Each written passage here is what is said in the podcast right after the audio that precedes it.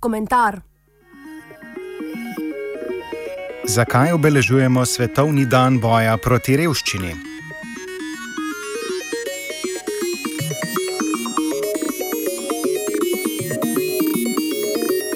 Prejšnji teden, natančneje 17. oktober, je potekal svetovni dan boja proti revščini.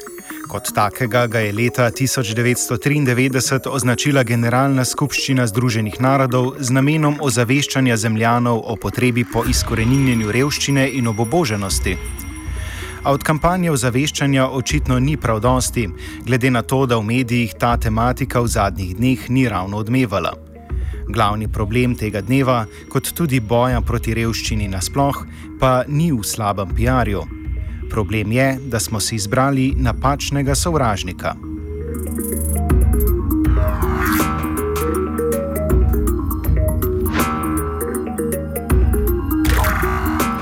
Dejstvo, da so Združeni narodi kampanjo izboljševanja stanja materialno najšipkejših zastavili kot boj proti revščini, ta pojav oskubi vsakršnega konteksta.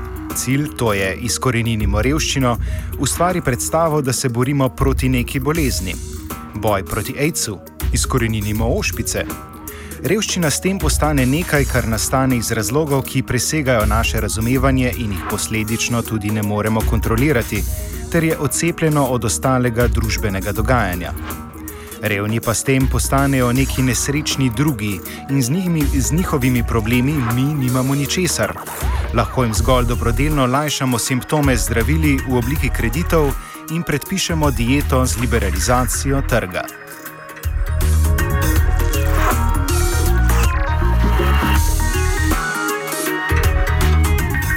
A razlogi za obstoj revščine za človeško vrsto niso tako neobvladljivi kot razlogi za nastanek AIDS-a ali ošpic.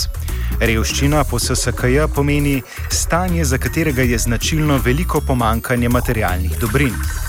Ob upoštevanju dejstva, da dobrine so, je torej manjko dobrin na enem koncu družbene lestvice zgolj posledica njihove porazdelitve.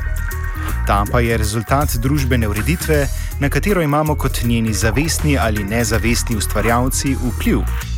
Trenutna družbena ureditev, to je kapitalistična, dobrine razporeja bolj ali manj po zakonu močnejšega.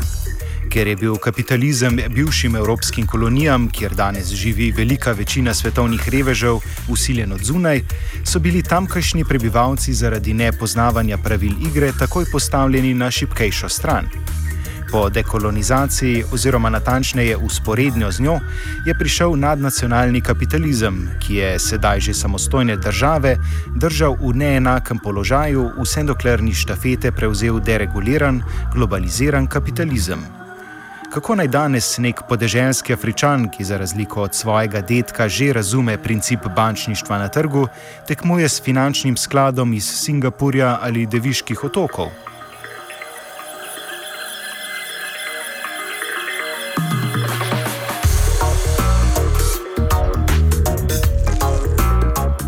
Dejstvo, da je bil kapitalizem večini sveta usiljen od zunaj in da se je na to relativno hitro razvijal, razloži geografsko porazdelitev revščine.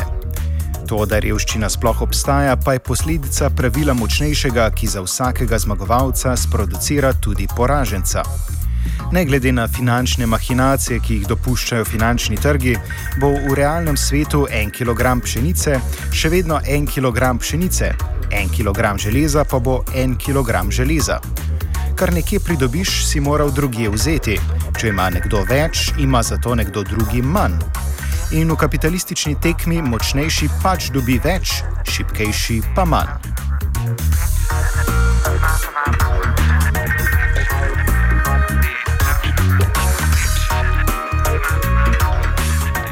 Kljub temu enostavnemu dejstvu pa je prevladujoča strategija boja proti revščini še vedno lajšanje simptomov s krediti in predpisovanje neoliberalnih diet, se pravi več kapitalizma, kar nas pripelje nazaj na problem konceptualizacije boja proti revščini.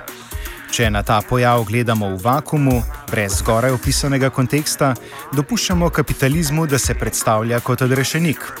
Kapitalske investicije v državo lahko upravičimo kot naložbe v delovna mesta in gospodarstvo. kot nadomestek ubogajme pomoči, ki bo revnim omogočil, da si pomagajo sami. Deregulacijo lahko predstavimo kot odpravljanje ovir za male podjetnike, nižanje obdavčitve pa kot razbremenitev nižjega in srednjega razreda. Vse to naj bi pomagalo revnim, da se z inovativnimi in podjetnimi rešitvami izvijajo iz stanja, v katerem so, zaženejo svoja podjetja in ustvarijo delovna mesta ter priložnosti za druge. In cikl življenja v kapitalizmu se zaključi.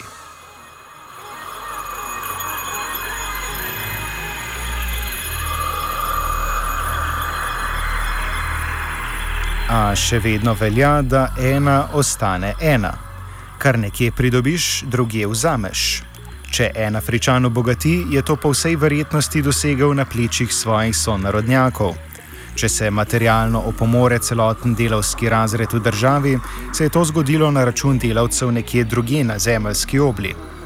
Ob upoštevanju dejstva, da imamo končno količino dobrin, gre zgolj za vprašanje njihove porazdelitve. Zakaj potem sploh govorimo o revščini, ne o porazdelitvi dobrin, se pravi neenakosti? Zato, ker je neenakost jedrni del kapitalizma, ki nam v svojem samoohranitvenem načinu skozi medije in institucije, kakršni so Združeni narodi, usiljuje debato o revščini, da bi prikril tisto o neenakosti. A če pogledamo mimo tega, ugotovimo ne le, da je neenakost vzrok revščine in problemov, ki izvirajo iz nje, temveč da določa kvaliteto življenja v družbi tudi, če sama absolutna revščina ne predstavlja večjega problema. Primerjava zahodnih držav s primerljivim in relativno visokim povprečnim gmotnim stanjem prebivalstva pokaže, da so vsi kazalci kvalitete življenja v družbi za njeno delovanje bolj ugodni, če je stopnja neenakosti nižja. Nekateri izmed teh kazalcev so fizično in mentalno zdravje, izobrazba, odvisnost od drog, stopnja nasilja, število zapornikov in socialna mobilnost.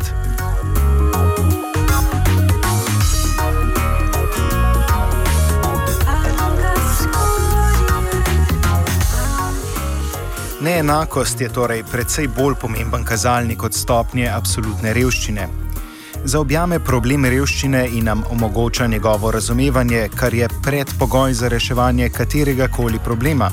Poleg tega pa nam omogoča tudi globji vid v delovanje družbe. Bolj enake družbe pač funkcionirajo bolje, a v bolj enakih družbah kapitalizem funkcionira slabše. Zato obeležujemo Svetovni dan boja proti revščini.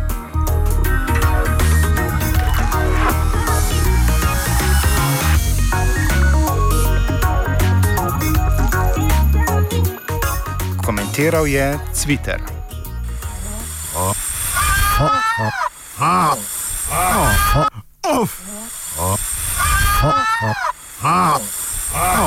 Off komentar.